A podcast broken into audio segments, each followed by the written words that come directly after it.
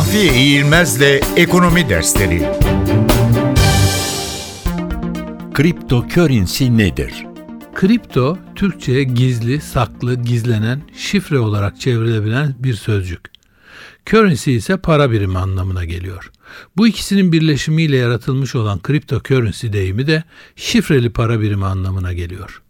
Cryptocurrency, internet aracılığıyla kullanılan, hiçbir merkezi otoriteye ya da aracı kuruma bağlı olmayan sanal para birimi. Bu sanal para birimiyle kişiler ya da kurumlar tıpkı gerçek parayla yaptıkları gibi harcama yapabiliyor ya da para kabul edebiliyor. Piyasada bugün itibariyle birden fazla cryptocurrency çeşidi var. En bilinenleri Bitcoin, Litecoin, Namecoin, Ethereum, PP Coin, Dogecoin, Devcoin, Primecoin gibi adlar altında işlemde bulunuyor. Gizliliği söz konusu para birimlerinin sanal olmasından kaynaklanıyor. Yani bu para birimleri dolar gibi, euro gibi, Türk lirası gibi basılı halde fiziksel olarak bulunmuyor. Bilgisayar kayıtları altında tutuluyor.